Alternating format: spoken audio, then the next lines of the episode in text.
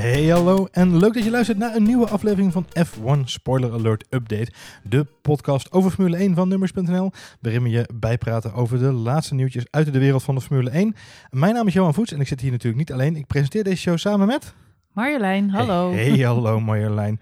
Fijn dat je even tijd hebt genomen om op deze warme zomeravond uh, bij de microfoon te verschijnen. Nou, het, het zou zomervakantie zijn in de Formule 1, maar volgens mij hebben we een... Nou, uh... We moeten het er even over hebben inderdaad, die nieuwe voorvleugels. ja. Ik heb ze gezien deze week en dus we moeten er echt even goed voor gaan zitten. Daarom heb ik ook even naar de studio gehaald vandaag. Ja. Wij hadden, we hadden het nog over van hoe moeten we nou in vredesnaam die, die afleveringen gaan vullen in de zomerperiode. Maar Oh, daar was ik niet zo heel erg bang voor, maar ik had niet verwacht dat het... ik had niet verwacht dat we op één vrijdag zoveel materiaal zouden krijgen voor één podcast. La laten we bij het begin beginnen. Ja. Uh, al wekenlang speculeren wij uh, in een vast item in deze show zo'n beetje in de Ricciardo roulette over de toekomst van Daniel Ricciardo. Uh, ook wel het dans op de dansvloer genoemd door Marjolein. Um, daar leek een einde aan zijn gekomen met het vastleggen van, van de twee Mercedes-coureurs en het eigenlijk uh, wel vastleggen van een Mercedes, of, uh, sorry, Ferrari-plekje. Um, afgelopen woensdag liet Daniel Ricciardo nog weten tegenover de pers dat hij uh, klaar was om bij Red Bull te tekenen. Het was een kwestie van puntjes op de i en kommatjes achter de puntkommatjes. Dus wij zaten er eigenlijk maar z'n allen op te wachten tot die grote bekendmaking er was. Er werd zelfs gespeculeerd over een, uh, stallingprocedure van Red Bull om te zorgen dat Carlos Sainz vrijgehouden kon worden. Uh, al met al, het leek in kannen en ook in kruiken. Tot vandaag. Want wat blijkt? Nou, het was best grappig. Het was echt een uh, breaking news. Wij zaten te lunchen. En toen kreeg ik uh, appjes van, van mensen die zeiden: Wat? Nou, over het algemeen heb ik best wel een strikte no-phone policy tijdens lunch of avondeten of wat dan ook. Ja. Maar uh, in dit geval ging het inderdaad over Daniel Ricciardo, die getekend zou hebben bij Renault. Daar ja. begon eigenlijk het vandaag allemaal mee, met een paar geruchten op een aantal gerenommeerde autosites. Waarop ik bij de eerste boterham met kroket nog tegen jou zei, wow, het zal wel loslopen, ja, dat kan niet zo zijn. Ja, de typische Kimi Räikkönen reactie. Wow. Maar uh, dat dacht ik ook, dus wij aten verder. Ja, bij de tweede en... boterham met kroket. bij de tweede boterham met kroket kwam er nog een berichtje binnen. Bleek het echt waar te zijn. Red Bull Racing bevestigde op dat moment op Twitter... Ja dat Daniel Ricciardo het team uh, aan het eind van dit seizoen gaat verlaten. Dat ze dat jammer vinden, maar hem veel succes wensen in de toekomst. Ja. Uh, dat ze op zoek gaan naar een nieuwe teamgenoot voor Max Verstappen en daarbij alle opties open houden. En uh, ja, op dat moment was het nog even de grote stilte, hè? want het gerucht was, ja. het gerucht was Renault. Um, Klopt, dat, ja, dat kwam iets daarvoor. En uh, op dat moment uh, we hebben op Numrush er een artikeltje over gepubliceerd. En ja. ik heb dat zelf geschreven. En uh, ik zat het eigenlijk nog een uur lang te updaten met, met overige informatie. Van hij zou hier naartoe kunnen gaan, daar naartoe. Je zegt net de topteams zitten vol. Mercedes zit inderdaad vol. Ferrari heeft in theorie nog een stoeltje. Kimi Räikkönen heeft nog steeds niet verlengd. Voor, het zit heel um, oncomfortabel, een theoretisch stoeltje kan je theoretisch. Maar hij heeft nog niet verlengd voor 2019. Ja. Uh, er is nog steeds een beetje onduidelijkheid. Uh, onlangs is natuurlijk de grote directeur van Ferrari overleden. Dat zorgt ook voor onrust in het team. Dus nu zeggen weer mensen van nou, het is de kans is toch klein dat zo'n jong talent als Charles Leclerc nu al naar voren wordt geschoven om dan bij Ferrari te gaan rijden. Dus Kimi Räikkönen zou misschien nog verlengen. Met andere woorden, bij Ferrari zijn nog mogelijkheden. Er was een hoop speculatie dus. Ja, klopt. In, in een tijdsbestek dus, van ongeveer een kwartier. Ja, dus uh, tijdens diezelfde lunch hebben we het daar ook nog even kort over gehad. Ja. En eigenlijk terwijl ik uh, dat stuk wat we erover geschreven hebben nog hebben zitten updaten, uh, kwam naar buiten op Twitter dat... Ja, bevestigde Renault. Ja, Renault eigenlijk ja. op dat moment twitterde... Uh, hij is onze nieuwe man. We bevestigen de komst van Daniel Ricciardo als ja. tweede coureur, of eigenlijk als tweede driver, niet zozeer als eerste of tweede, maar als tweede coureur naast Nico Hulkenberg. Ja, wat ook verrassend is, want dat betekent dat Carlos Sainz in principe zijn plekje kwijt is. Ja, die werd natuurlijk ook maar voor een jaar gehuurd, dus dat is op zich geen verrassing. Geen verrassing, maar wel een vrij definitieve keuze.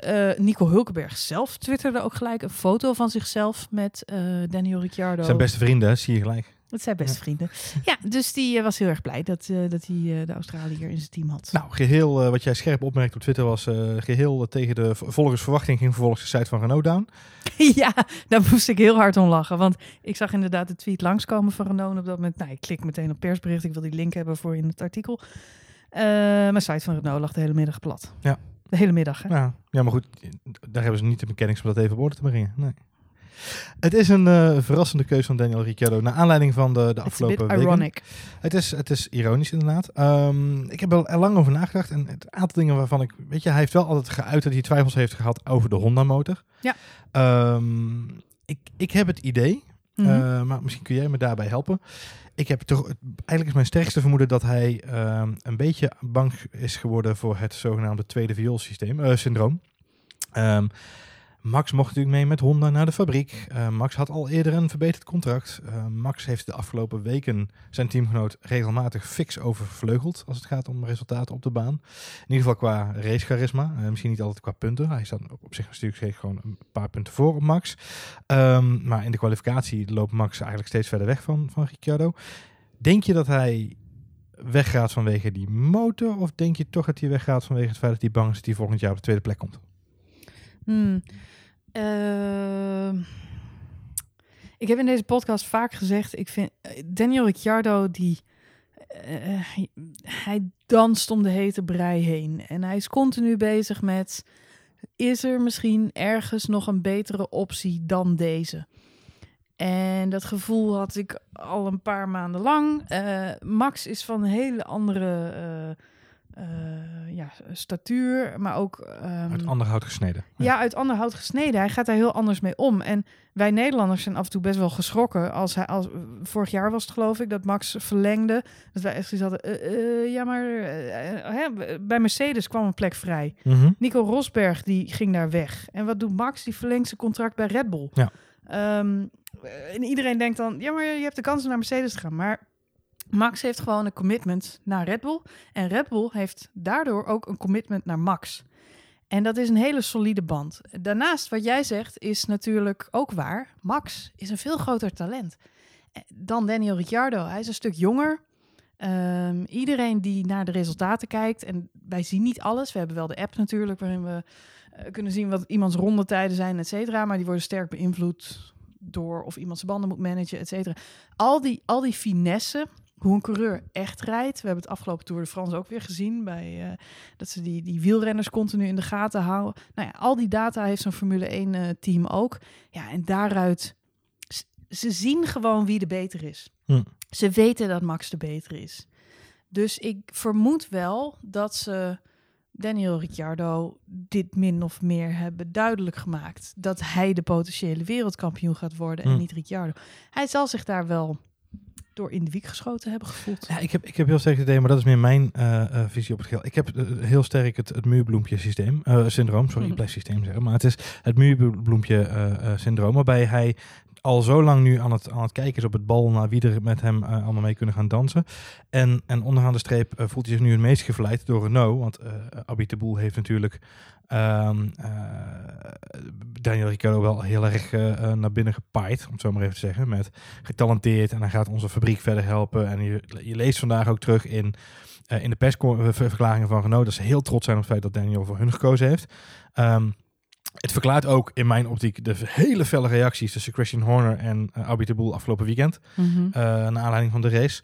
Uh, waarbij beide heren natuurlijk behoorlijk heftig tegen elkaar gereageerd hebben. Want uh, na aanleiding van het uitvallen van Max heeft uh, Horner geroepen van ik zie Abit de Boel wel verschijnen met zijn excuses. En vervolgens heeft Abit de Boel in de pers gereageerd met we zijn een aantal jaren geleden al opgehouden met te luisteren naar wat meneer Horner in de pers zegt. Um, je, het zijn allemaal niet de meest nette manieren zoals die... het is echt een vechtscheiding geworden tussen Renault en Red Bull. En dit heeft daar volgens mij een rol in gespeeld. Dus volgens mij speelt het op de achtergrond misschien al wel wat langer. Uh, en, en zijn we allemaal een beetje voor de gek gehouden. En misschien is dat wel, en misschien ben ik nu een beetje de, de naïeve Formule 1-fan die ook liefhebber is van een bepaald coureur. Daniel Ricciardo is voor de hele grote groep mensen een hele fijne en goede coureur om te volgen. Dus een sympathieke gast, veel charisma. Dus voor Renault ook een, een ideaal uithangbord, om zo maar te zeggen. Mm -hmm. Maar het steekt mij toch? Mm -hmm. Ik ben niet van gisteren. Ik volg het, het, voetbal al jarenlang en ik volg alle sport al jarenlang. Mhm. En ik heb ook een tijdje in sport meegelopen om te weten hoe dingen gaan. Dus ik weet hoe de paarden lopen af en toe. Maar ik vind het wel heel verbazingwekkend dat iemand afgelopen woensdag nog durft te roepen in de pers. Mijn contract is rond en ik verwacht dat we voorspaar gaan ondertekenen. Mm -hmm. En 48 uur later, niet eens 48 uur later, zo'n kogel door de kerk heen jast. En, en ja. dat vind ik, ik voor, het, voor de persona heel schadelijk, heel eerlijk te zijn. Ja, eens. Ik, ik, ik vind het ook. En ik, er wordt nu in de media uh, wel gezegd dat Red Bull echt verrast is door dit besluit van Ricciardo. Of dat zo is, dat, dat ja goed, dat weten we niet. Nee. Wordt wel heel erg eh, gesuggereerd dat het in elk geval Daniel Ricciardo's eigen beslissing was. Ehm then again, ehm, is dat vaak ook een chique manier om iemand eh, natuurlijk weg te laten gaan. Ja. Eh, dus het kan ook helemaal zo zijn dat, ehm, nou, dat Red Bull gewoon hard onderhandeld heeft. Dit zijn onze voorwaarden, dit is je salaris, ja, ja, ja. Inderdaad, wat jij zegt, nou ja, eh Ricciardo was gewoon op zoek naar iets beters, waar die in de watten wordt gelegd, waar die wat hem betreft kans maakt op een wereldtitel, waar die goed salaris kan verdienen. Ja, en vooral is dat, jij zei vandaag inderdaad naar aanleiding van zijn quote het persbericht. eh, eh, daarin stond, ik heb vertrouwen in Renault, want elke keer als het team terugkeert als team, hè, niet zozeer Ja. als een leverancier, maar als team in de sport, Ja. doet het mee om de prijzen. En hij verwijst Ja. natuurlijk een beetje mee terug naar de geschiedenis van Renault. Alonso, meest recent Alonso natuurlijk als, eh, als voorbeeld. Schumacher. En Schumacher ook inderdaad. Ehm, Ze zijn vaak wereldkampioen. zijn vaak wereldkampioen geworden. En hij verwijst daaraan. En jij zei, eh, toen je dat las, zei je... eh, hij heeft het idee dat dit zijn Hamilton momentje is. En, en daarmee doelde hij op het feit... Hamilton maakte de overstap van McLaren naar eh, Mercedes. Mercedes. Op het moment dat er een aantal grote reglementwijzigingen kwamen op het gebied van de motor. Iedereen zei, wat gaat die jongen doen? Hij gaat van de kampioen naar een nieuw team. Relatief nieuw Mhm, team. mhm. Ehm, dat kan alleen maar fout gaan. Maar Mercedes heeft natuurlijk die motor vanaf dag 1 op slot. Ja. Als geen ander hebben ze dat eh, in de smiezen. En dus wist hij daar prijs naar prijs naar prijs te winnen. En jij zei, dit is zijn, hij denkt dat dit zijn Hamilton momentje is. Ja, dat, maar goed, dit is iets wat hij al maandenlang roept. eh, dat hij hiermee worstelt. We hebben het hier in een eerdere podcast ook al een keer over gehad. Dat hij ehm, zoekt naar datzelfde moment wat Hamilton ook ooit heeft gehad. En dat is precies. Ik zag ook ehm, Jenny Gao, die eh, gerenommeerd Formule 1 ehm, verslaggever is uit, eh, uit, uit Engeland. Die twitterde dit ook weer vandaag. Wat denken jullie hiervan? Is dit eh, zijn. Ik krijg heel erg een, een flashback naar Hamilton.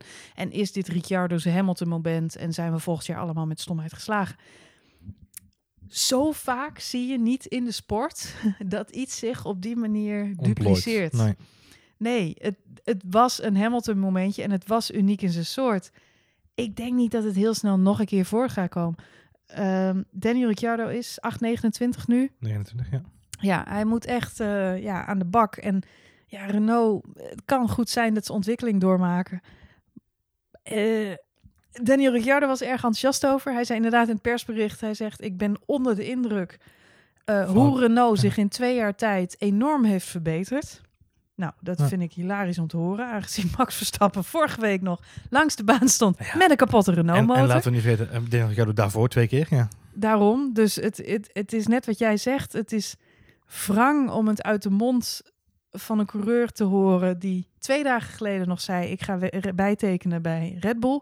Voor mij heeft het er alle schijn van dat hij gekozen heeft voor inderdaad degene die hem het best gepaaid hebben. Hm. En hem het meeste geld bieden en waar die niet de tweede viool speelt. Nou, wa- waar, ik dan, eh, waar ik dan even over, voordat, voor, voordat we verder gaan... eh wat maar waar hij hij geen kans maakt op de wereldtitel. Even ik, nog ik denk volgend jaar inderdaad dat het heel erg lastig gaat worden om daar eh, direct om een prijs te gaan strijden. crazy. Ja, ik denk dat als je kijkt naar de auto's dit, dit jaar, dat ze die kans niet gaan maken. En waar ik me, waar ik me, ik heb altijd een duiveltje en een engeltje. En niet eens, dit zijn gewoon twee duiveltjes nu op mijn schouder. En de ene duivel zegt, Ricciardo houdt het publiek voor de gek, want hij heeft gewoon al twee maanden geleden of drie maanden geleden of drie weken geleden besloten dat hij dit gaat doen. Dus dit was al heel lang in de workings en daarom zijn Horner en Abita Boel zo pissig op elkaar. Het andere duiveltje zegt, Abita Boel heeft afgelopen maandag naar aanleiding van de hele situatie met Horner bedacht, weet je wat, ik zal je eens pakken. Ik ga Ricciardo een aanbod doen wat hij niet kan weigeren. En daardoor heeft Ricciardo nu alsnog de keuze gemaakt om over te stappen. Beide gevallen, beide gevallen, niet de beste kant van mensen in, in de business. Ehm, maar eh, het, ik vind het verrassend dat deze plotwending zich nu zo ontvouwt. Eens. Dus dat is in ieder geval eh, wat ik wel denk. Ja. En dat is eh, eh, de reden waarom, waarom we daar ook mee moeten openen en waarom het zo'n belangrijk moment is in deze zomerstop. Is ik denk dat het de opening is van het transferbal. Nou, dat moet wel, want Max Verstappen die zit volgend jaar zonder teamgenoot. En het grote speculeren is begonnen, want zo, zoals we het net afronden, suggereert eigenlijk dat Red Bull in zijn hemd is gezet en nu met een probleem zit. Ja. Ik denk dat bij mezelf, nou, je hebt een topteam en een van de allerbeste coureurs op de grid. Hm. Dus je zit gewoon in dezelfde luxe positie als het Mercedes twee jaar geleden zat toen Nico Rosberg eh er tussenuit kneep. Eens? En nu is het gewoon een kwestie van, je hebt nog ruim een half jaar. eh, ja, selecteren wie er het beste past naast Max. Zowel qua prestaties als eh, talentontplooiing, als eh, ja, eh, bonding met, met Max Ja. in kwestie. Nou, la- laten we eventjes, eh, laten we eventjes een, een, een snelle eh, op uiteenzetting doen van de... Ja, er zijn een hoop opties. Ja, dus eventjes, want we hebben vandaag meer speculatie gezien dan tijdens Sinterklaas. Ehm, even kijken, we hebben Carlos Sainz Jr. inderdaad. Nou, dat is een, een open deur. We hebben genoemd zijn, even kijken, Carlos Sainz, Pierre Gasly. Ehm, we hebben Brandon Hartley nog bij eventueel bij Toro Rosso. Eh, Kimi Räikkönen is genoemd. Ja, Ehm. En dan hebben we eh, eh, ook nog in de outside categorie hebben we ehm, Esteban Ocon en good old Fernando Alonso. Daar gaan we zo nog even op terugkomen. Even laten, we bij die eerste twee beginnen? laten we bij Sainz beginnen Ja, inderdaad. ja, nou, ja, Sainz en ook Gasly zijn natuurlijk allebei aan de orde, omdat ze min of meer een contract hebben bij Red Bull. Sainz heeft nog een contract bij Red Bull. Die is ooit uitgeleend aan Renault, waar hij nu rijdt. Zijn contract daar loopt eind dit jaar af. Ja. Eh, hij, hij heeft geloof ik nog een clausule dat hij weer terug kan naar Red Bull Volgens mij naar Toro Rosso. of naar Toro Rosso. Ja. Maar dat moet dan wel komend jaar zijn. Anders is hij transfervrij en Klopt. mag hij heen waar hij heen wil. Sterker nog, voor 1 september moet dat er rond zijn. Ja. Dat is de clausule in het contract. En volgens mij is het Toro Rosso inderdaad, ja. ja. Goed, dus hij heeft min of meer nog een, een, een samenwerking. Maar goed, hij is al wel weer wat ouder, iets ouder. Nog niet heel oud. Nee. Eh, hij rijdt al best wel wat jaartjes mee. Hij zou ook niet zo'n hele goede relatie met Max Verstappen hebben. Eh, ik heb nog even zijn raceresultaten erbij gepakt van afgelopen seizoen. Het is wel een hele constante rijder. Hij Mhm. rijdt eigenlijk al seizoenenlang zevende, achtste, negende. Altijd wel een beetje in die top 10. Zij sprokkelt zijn puntjes wel, je kunt er weinig van zeggen. Ehm, maar ja, de vraag is of dat nou ja, Is het de- handig is. Is het de optie die we nodig hebben? Nou, ik zei vandaag heel eventjes, ik zei tegen jou, ehm, eh, er kwam voorbij, want even eh, een stapje vooruit naar Esteban Ocon. Eh, Mhm. Dat is een vreemde eend in de bijt, want die Ja. staat natuurlijk in principe onder contract onder het jeugdteam van Mercedes, Ja. het talentteam van Mercedes. Wordt wel gezien als een groot toekomstig talent. Wordt gezien als een groot toekomstig mogelijk kampioen Net als. Leclerc voor Ferrari. Leclerc voor Ferrari, Gasly bij Toro Rosso en Mhm. Verstappen natuurlijk bij, bij Red Bull al. Ja. al. Als dan misschien voor de meeste mensen al een beetje gearriveerd. Ocon werd deze week gelinkt aan, Force, sorry, aan ehm, eh, Renault ook. Mhm. ehm, als eventuele eh, coureur. Waarop ik eh, tegen jou zei van, joh, luister, als ze Ricciardo nu tekenen en Ocon is een gerucht, dan zou ik me als Nico Hulkenberg wel een zo- beetje zorgen beginnen te maken. Wat ik heel jammer zou vinden, want Nico Hulkenberg is misschien wel een van de meest stabiele coureurs in het middenveld van de Formule 1. Zou leuk teamgenoot zijn voor Max Verstappen. Bij Red Bull Hulkenberg. Ja, maar dat gaat niet gebeuren. Nee, en hij staat dus te, te oud, maar ook dus te Ja. matig voor, onderaan Ja. Carlos Sainz Ja. heeft wel in zich dat hij eh, die stap naar boven kan maken. Eh, Mhm. ik denk wel dat, dat Sainz is, is een getalenteerde coureur. Eh, Mhm. Ik denk alleen wel dat hij het probleem heeft dat er een, een Pierre Gasly bij Toro Rosso rondloopt. Ja, Pierre Gasly, heb ik ook even naar gekeken, presteert een stuk beter dan zijn teamgenoot Hartley. Hartley, Dat is ook niet heel erg makkelijk, want door de bak genomen houdt Gasly hem met de gepoetste kant naar boven en met de band op het asfalt. Dat lukt Hartley niet altijd.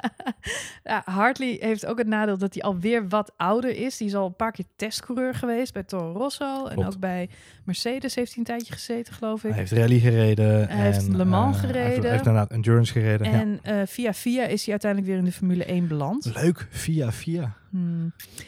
Eh, maar goed, hij, dus nee, Hartley verwacht ik überhaupt eigenlijk niet van dat hij volgend jaar nog in de Formule 1 Hardly rijdt. any chance. Nee. Ehm, Gasly zou wel eventueel een teamgenoot van Max Verstappen kunnen zijn. Interessant detail. Gasly is een jaar ouder dan Max Mhm. Verstappen. Dus een van de eerste dingen waar ik op dat moment aan dacht is... Oh god, kan hij dan nog wel... Weet je wel, het moet niet zo zijn dat Gasly naar Red Bull gaat... en dat hij alle records van, van, van Max gaat breken. Jongste coureur ooit pole position. Jongste coureur ooit die Formule 1 race wint. Nee, Niet bedoeling. hij is twee jaar oud, dus hij is 22. hij, is 22 Ja, ja. al. Dus hij is al nou ja, iets ouder dan Max. Want even ook, eh, sorry dat ik je onderbreek, maar dat is ook Mhm. wel belangrijk om te weten. Hè? Matazic, dat is de grote baas van. Red Bull, heeft ook geroepen: ik zou het liefst met Max Verstappen dat record willen pakken van jongste wereldkampioen ooit. Dat Ja. is een van de dingen die Matazic, de grote Red Bull baas, ooit heeft geroepen. En, en dat is iets wat hem heel erg aan het hart ligt. Dus daar maakt ook werk van. Dus het ligt in de verwachting dat het wel inderdaad een iets vind oudere het, coureur zal eh, zijn. Eh, vanaf het moment dat je je gaat voorstellen van hoe is dat dan, ik vind het toch raar. Gasly en Max zijn dus ongeveer net zo oud. Eh, Gasly is bezig aan zijn eerste Formule 1 seizoen, heeft nog een hoop te leren. Ehm, bij Max hebben we juist dit jaar een hele belangrijke leercurve gezien. Begin van het seizoen veel pech gehad, maar ook veel stomme fouten gemaakt. Monaco, die vrije training die die verprutst, waar die zijn auto in de vangrail hangt, daardoor laatste staat op de grid bij de kwalificatie. En daardoor gewoon niet, ja, een overwinning weggooit. Ja. Ehm, sinds Monaco is Max beter, vind Mhm, ik. mhm. Be- veel beter. Constanter. Zoekt het risico niet op. Laat andere coureurs leven. Maar is nog steeds wel net zo snel. Maar hij is realistischer geworden. Ja. Ehm, nou ja, dat, zo zie je in een jaar tijd hoe een coureur kan groeien en dingen kan leren. Gasly heeft dat nog niet meegemaakt. Nee. Maar is Max dan nu al de leermeester? Dat is voor Gasly ook niet goed. Hmm. Max is daar eigenlijk ook nog te jong voor. En zou eigenlijk nog iemand naast hem moeten hebben waar die af en toe ook nog iets van opsteekt. Ik denk- die ik denk dat het die probleem- rust brengt in Ja, het oké, team. dat zou voor Max het beste zijn. Maar binnen Red Bull is dat eigenlijk nooit zo geweest. Want ik bedoel, Vettel is daar naartoe gegaan toen Webber daar zat. Ja. Eh, en, en later kwam daar Ricciardo bij. Het Ja, was Webber Vettel, was natuurlijk ook al wel een stukje ouder. Ja, maar was toch ook geen leermeester? Nee.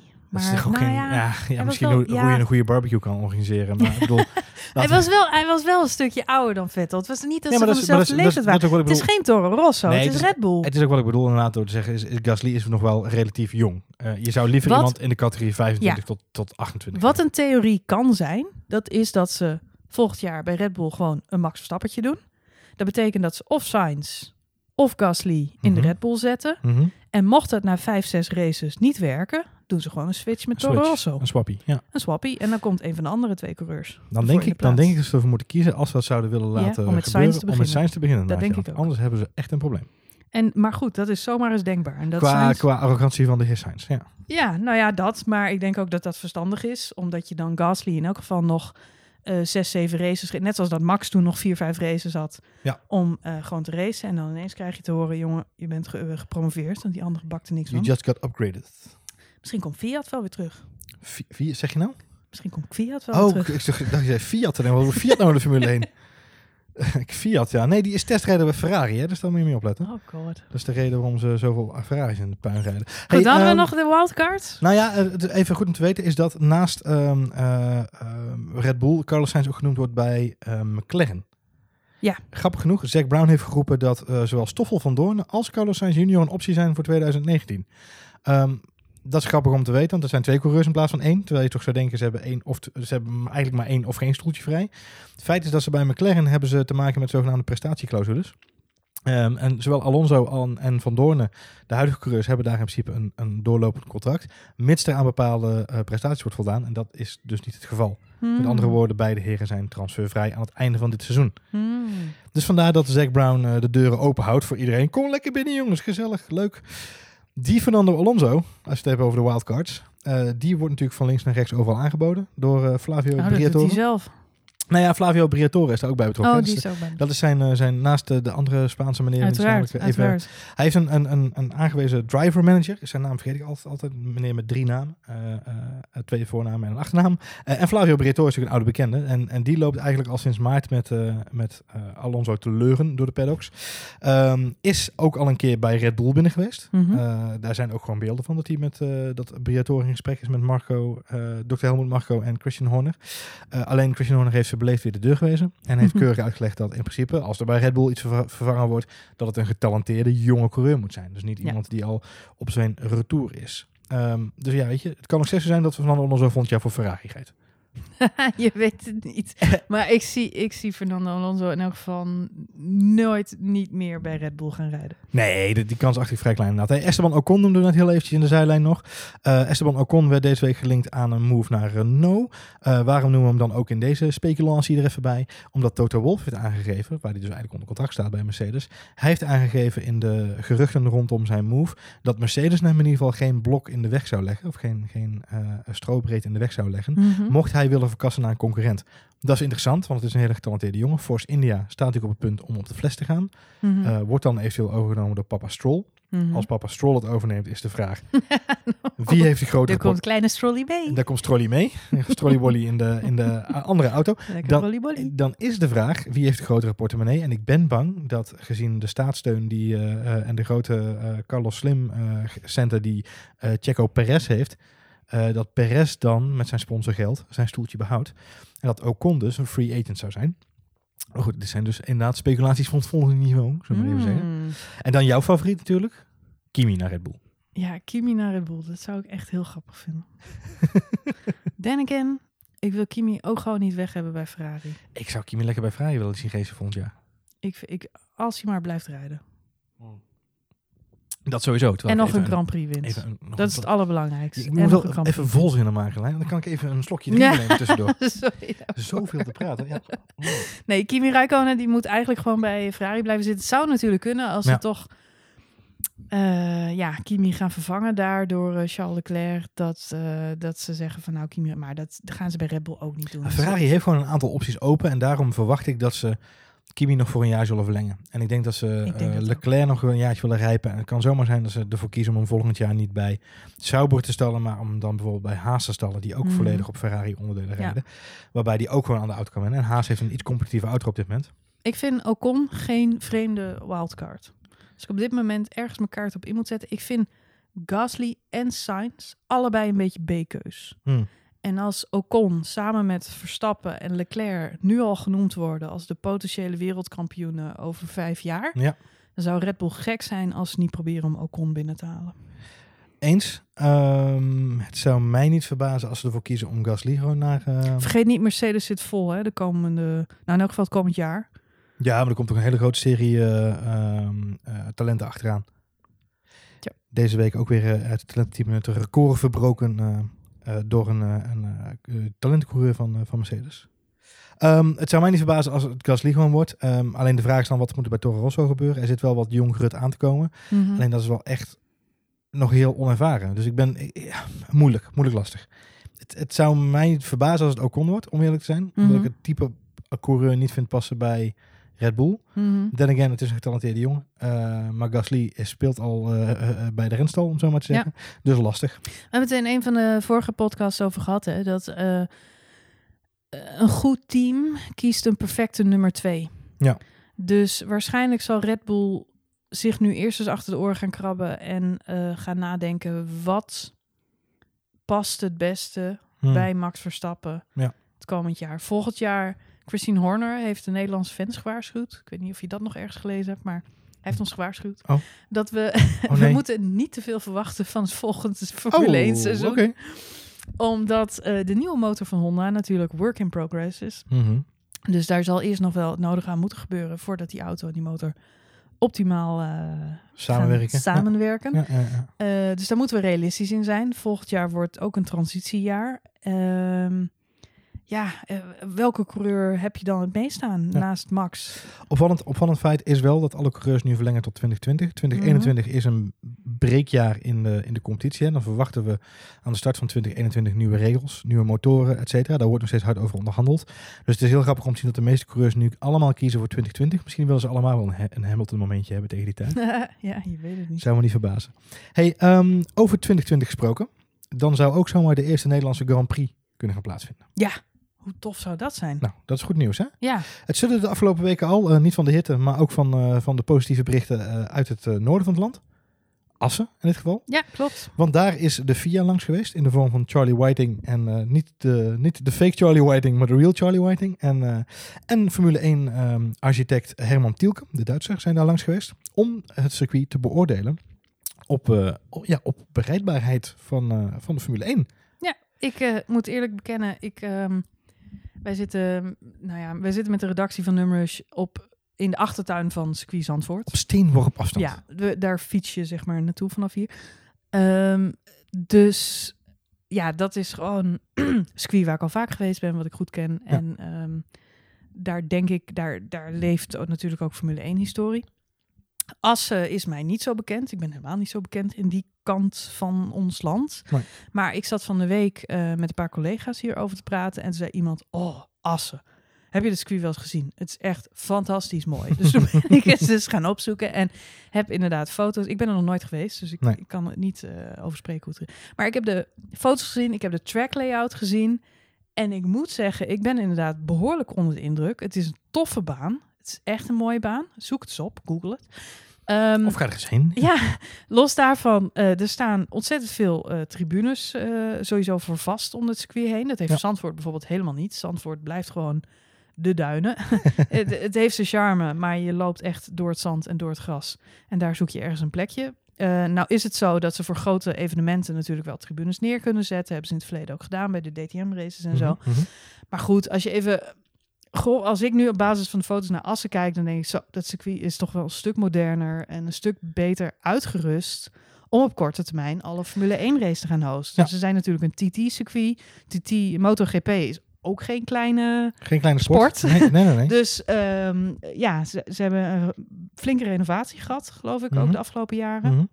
Dus ja, eigenlijk is het eh, die, niet de- logisch dat we daar niet eerder zo serieus over gehad hebben. Het bezoek van Charlie Whiting en Herman Tilke was positief. Om Ja. even de, de feiten erbij te pakken inderdaad. Eh, de heren waren wat ongerust over de inhaalmogelijkheden. Nou, dat is natuurlijk het toverwoord van de Formule 1 de afgelopen twee seizoenen. Mhm. De inhaalmogelijkheden. Ehm, die waren wat beperkt volgens eh, zowel Mhm. Tilke als Whiting. Maar beide heren hebben daarvoor een aantal voorstellen gedaan.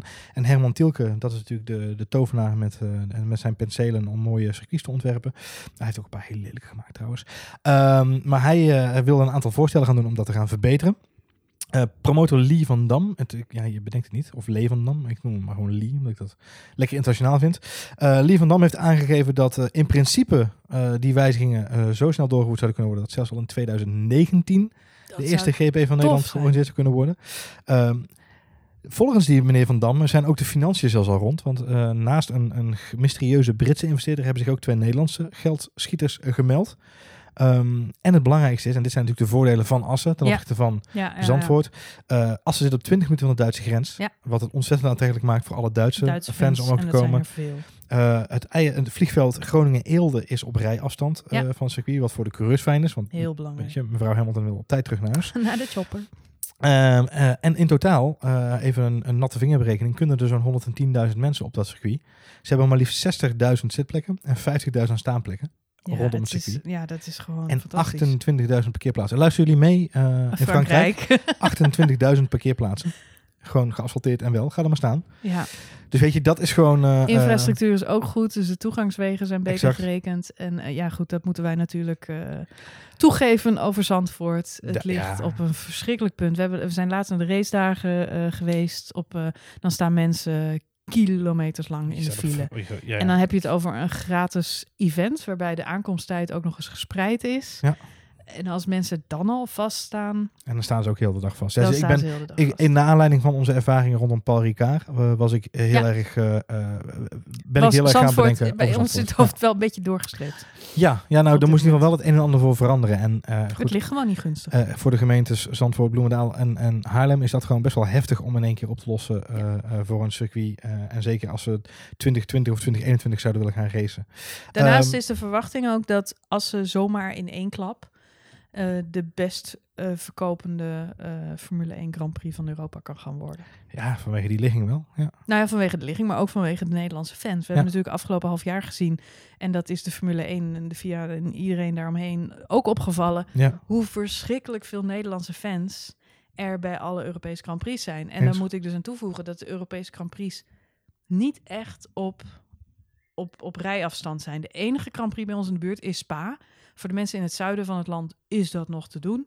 Maar hè, als woon je in het midden of het noorden, dan moet je echt eh, verschrikkelijk vroeg vertrekken. Het is niet een dagtochtje. Je moet er al gauw een weekend van maken. ja, dat is waar. En, ehm, en dat terwijl hier zoveel mensen zijn die Formule 1 gek zijn. Ja, goed, 110.000 stoelen. Ik denk dat het binnen, binnen no time is uitverkocht. Ja, nou, er Plus al die Duitsers. Een paar haken en ogen natuurlijk. Eén is eh, dat eh, de, de motorcoureurs Vergeet de Finnen niet, hè? Voor hun is het ook dichterbij. vlak de vinnen nooit uit. Maar nee, hey, zaten eh, allemaal ehm, in Hongarije. eh, vanuit de motor, het goedkoop is. Vanuit de motorwereld zijn er al wel wat, eh, wat, wat kritische noten gevallen. Want de, de, vierwielen, de vierwiel aangedreven eh, grote auto's met het flinke remsporen zorgen wel voor wat hobbeltjes op het asfalt. Eh, dus de motorcoureurs maken zich wel iets wat zorgen als dat hele Formule 1 circus over dat circuit heen gaat denderen. Want ze zijn nu natuurlijk heel erg happy met het circuit. Omdat het eigenlijk bijna een dedicated eh motorcircuit is. Ehm, en volgens het persbericht van circuit Assen zelf moeten we nog een slag om de arm houden. Want er zijn nog andere gegadigden in Nederland. Nou, het kan er dan eigenlijk maar eentje zijn, hè, dat weten wij ook. Ehm, dus ze wachten nu nog even op eh, de eerste officiële reacties vanuit het FOM, oftewel de Formula One Management. Zij gaan nu eh, terugkoppelen aan circuit Assen, wat de vervolgstappen zijn. Wat de grootste tegen nog steeds is, wat ik in de media tenminste lees, dat is dat mensen moeite hebben met het feit dat er een Grand Prix in Assen zou komen. Ja. Omdat Assen op de wereldkaart niet Ja. heel aansprekend klinkt. Nee, maar ja. maar ja, Dat geldt voor al die andere Europese Grand Prix Ik ook. denk dat als er 110.000 kaartjes verkocht worden, a 3, 4, 500 euro per stuk. Nee, je moet jezelf ook afvragen wat het voor zo'n regio doet. En eh, weet je, er waren ook veel nieuwsberichten de afgelopen weken dat de, de geluidsoverlast van de Formule 1 nog een issue zou kunnen zijn. Nou, met die huidige auto's sowieso niet. Dat valt reus mee. En dat valt reus mee. Eh, eh, en dan is nog de vraag, zelfs al zou er een andere motor in liggen, ook dan is de vraag, van, joh, moet je daar nou een punt van maken gedurende een weekend? Maar eh, eh, voor zo'n regio is het een behoorlijk grote impact. Eh, als ik even kijk naar eh, andere steden, Europese steden waar Grand Prix plaatsvinden, ja, dat zijn toch ook allemaal geen, eh, ja, Barcelona, alle. Ik vind het een fantastische ontwikkeling, want we hebben het eh, hè, hier in de Randstad gaat het continu over ehm, eh, het verkeer en de drukte die toeneemt en de economische welvaart. En de Randstad barst gewoon uit zijn voegen. Je kunt in Amsterdam geen huis meer krijgen.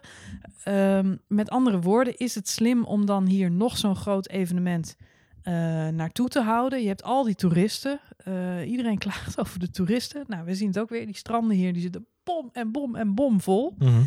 Dus een van de doelstellingen van, van, van de Randstad en van Nederland op dit moment is om de mensen te te spreiden. Ja, ja. Dus andere regio's van ons land moeten aantrekkelijker worden voor mensen om te gaan wonen. Dus zowel economisch interessanter worden, maar ook voor die toeristen. Ze willen gewoon, er stond vorige week ook weer een groot stuk in de krant. Amsterdam wil van zijn toeristen af, dus iedereen wordt naar Delft en Leiden en Haarlem gestuurd. Assen, ik zeg jongens, organiseer daar een Grand Prix. Eh, je zet het meteen op de wereldkaart en je maakt dat stuk van Nederland een stuk interessanter. En we zijn meteen van het probleem in de Randstad af. Eens. Nou ja, voor, voor een deel. Ja. Tot Mooi toch? zover. Premier Campus. hey, eh, dan nog eventjes, eh, terwijl wij Premier hier... van, van Formule 1. De, Formule 1 ook premier. Ehm, is een soort, misschien moet je een politieke partij beginnen. Een soort Johan Flemings van, van de Formule 1. belangrijk. One issue. Ja, de One Issue Party. Ehm, over pa- parties Formula gesproken. One issue. Hey, ehm, we, we hadden het in onze laatste aflevering van Spoiler Alert gekscherend over de vakantie van Niki Lauda. Ik wilde nog even een mea culpa maken, want Niki Lauda, daar gaat het niet zo heel erg best mee.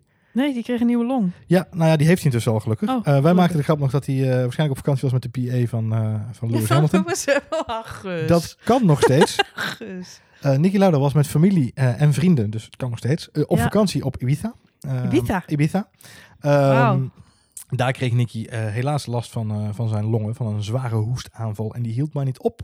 Eh, dus die is met spoed teruggevlogen naar Oostenrijk, waar Toch hij wel in zijn eigen vliegtuig. nu, ja, waarschijnlijk wel. Het is, Goed, eh, een ander verhaal.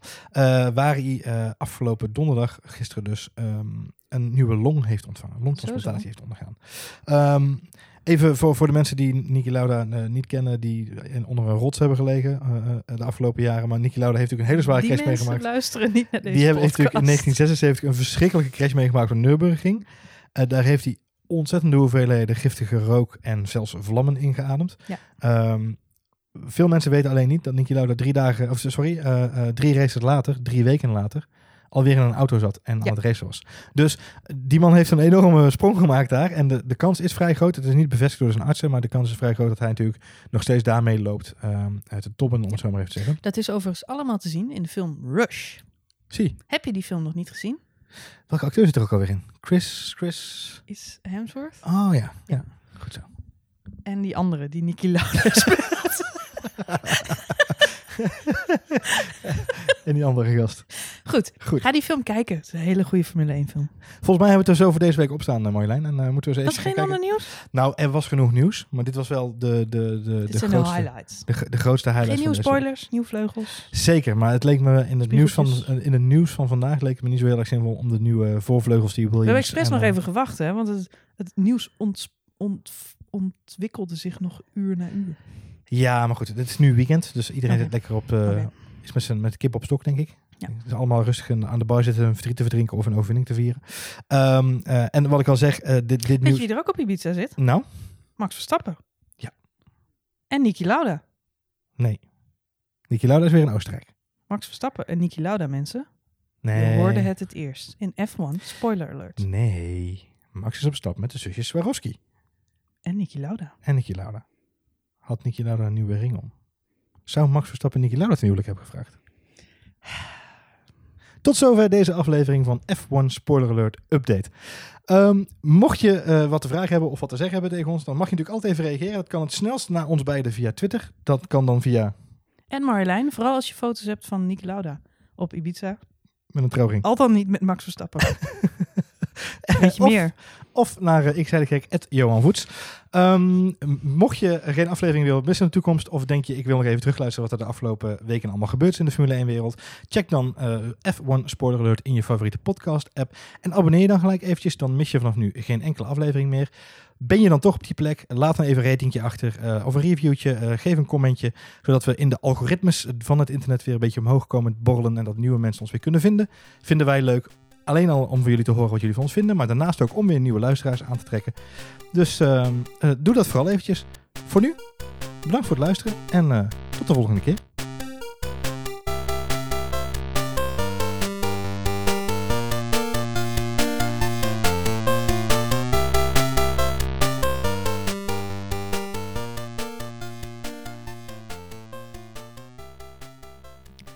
was uh, Chris Hemsworth ook op Ibiza.